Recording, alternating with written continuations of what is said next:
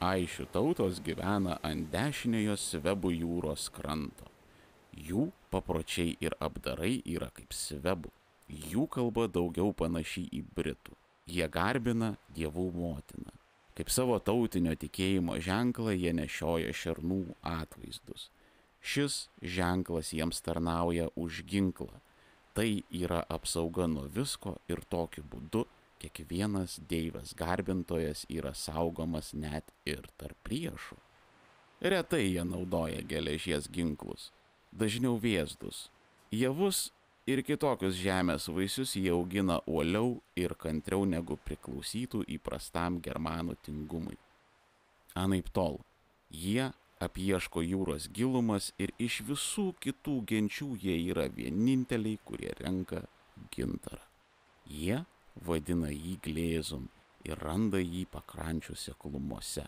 Kaip įprasta barbarų nesmalsumui ir neišmanimui, jie nei žino, nei jiems įdomu jo prigimtis ir kaip jisai atsiranda. Tiesą pasakius, jis ilgai gulėjo apleistas tarp kitų jūros išmestų daiktų, kol mūsų prabangos troškimas nesuteikė jam vardą ir vertę.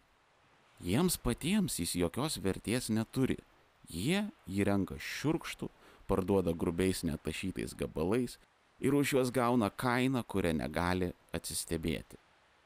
Publijus Kornelijus Tacitas, Germanija, apytikriai 98 mūsų eros metai.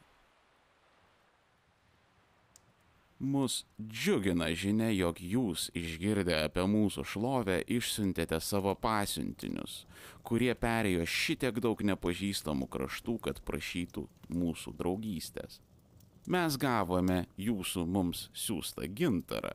Jūs sakote, jog renkate šią lengviausią iš visų medžiagų ant jūsų vandenino kranto, bet kaip jis tenai atsiranda, jūs nežinote.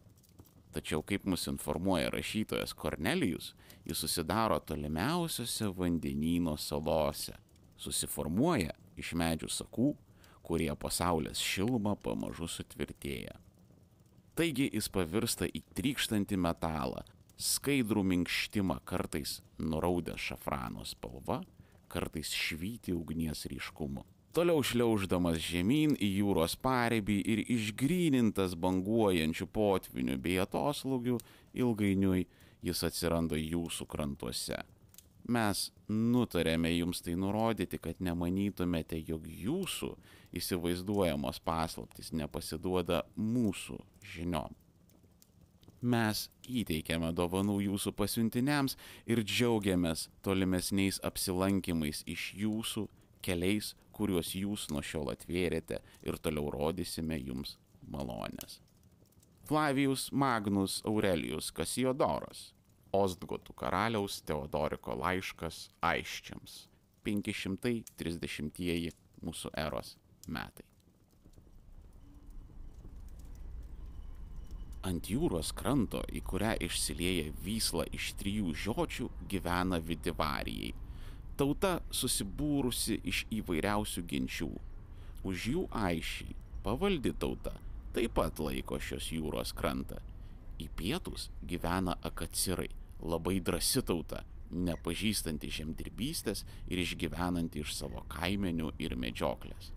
Tie žmonės, apie kuriuos pasakojame šiame tautų aprašyme, nors ir kilę iš vienų protėvių dabar nešioja tris vardus - Venetai, antai ir sklavienai.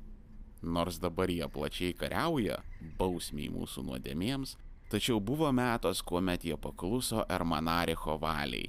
Šis valdovas savo išmintimi ir gale taip sutramdė aiščius, kurie gyvena tolimiausiame Vokiečių jūros krante ir visas Skitijos Germanijos tautas vien tik savo šaunumo dėka. Nuo vakarinės jūros rytų kryptimi esama įlankos, neatrasto ilgio, tačiau nedaugiau šimto varstų pločio ir daug kur žymiai siauresnė. Daug tautų apsigyvenę ant šitos jūros krantų. Danai ir švedai, kuriuos mes vadiname šiauriečiais, valdo jos šiaurinį krantą ir visas salas joje. Slavai ir aišiai ir daugybė kitų tautų gyvena rytinėme krante, tarp kurių viršiausiai yra veletabai, prieš kuriuos mūsų karalius kariavo. Jis taip juos palaužė ir prislopino per vieną žygį, kurį pats įvykdė, kad jie suprato, jog nėra išmintinga nepaklusti jo parėdimams. Vienuolis Einhardas Karolio didžiojo gyvenimas apytikriai 830-ieji mūsų eros metai. Aišių žemė, Eastland labai didelė, joje daug pilių ir kiekvienoje yra karalius. Ir tenai labai daug medaus ir žuvų. Karaliai ir diduomenė geria kumelių pieną. Neturtingieji ir vergai geria midų. Tarp jų būna daug karų. Aišiai alaus nedaro, bet yra užtenkamai midaus. Aišiai turi įprotį numirėlį nesudegintą palikti genčių ir draugų tarpe apie vieną arba du mėnesius. Karalius ir kitus aukštos kilmės žmonės palieka nelaidotus juo ilgiau, kuo daugiau jie turi turtų. Kartais iki pusmečio ir lieka jie nesudeginti ir guli ant žemės savo namuose ir jam viduje gulint turi būti puotaujama ir žaidžiama, kol sudegins. Vulfstanas iš Hedebių kelionės į drūsą aprašymas apytikriai 890-ieji mūsų eros metai. Armėno radijoje nėra įkyrių reklamų. Mainais į tai jam reikalinga jūsų pagalba. Jeigu jums patinka Armėno radijas, apsvarstykite galimybę tapti šio kanalo remėjais. Tai galima padaryti Patreonė. Užtruksite iki 30 sekundžių ir galite pradėti remti nuo 1 dolerio per mėnesį. Su kiekvienu paramos lygiu jums priklausys vis sultingesnės privilegijos. Jeigu norite remti be registracijų ir prenumeratų, galite tai padaryti Contribui arba kriptovaliuta. Visas nuorodas į paramą rasite apačioje. Jeigu šiuo metu neturite galimybės remti, bet degate noro prisidėti, tuomet laikinkite, dalinkitės, prenumeruokite ir komentuokite, o už vis geriausia, jei pasidalintumėte gerąją žinutę per Mėno radiją ir parekomenduotumėte jį savo draugams. Vieni mėgsta YouTube, kiti Spotify, treti SoundCloud. Armėnas myli visus vienodai. Ten pat aprašymuose apačioje jūsų laukia ištisas sąrašas platformų, kuriuose rasite Armėno radiją. Neribokite savęs ir sekite Armėną ten, kur jums patogiausia. Ačiū uždėmesi ir parama. Šiandien viskas. Iki kito.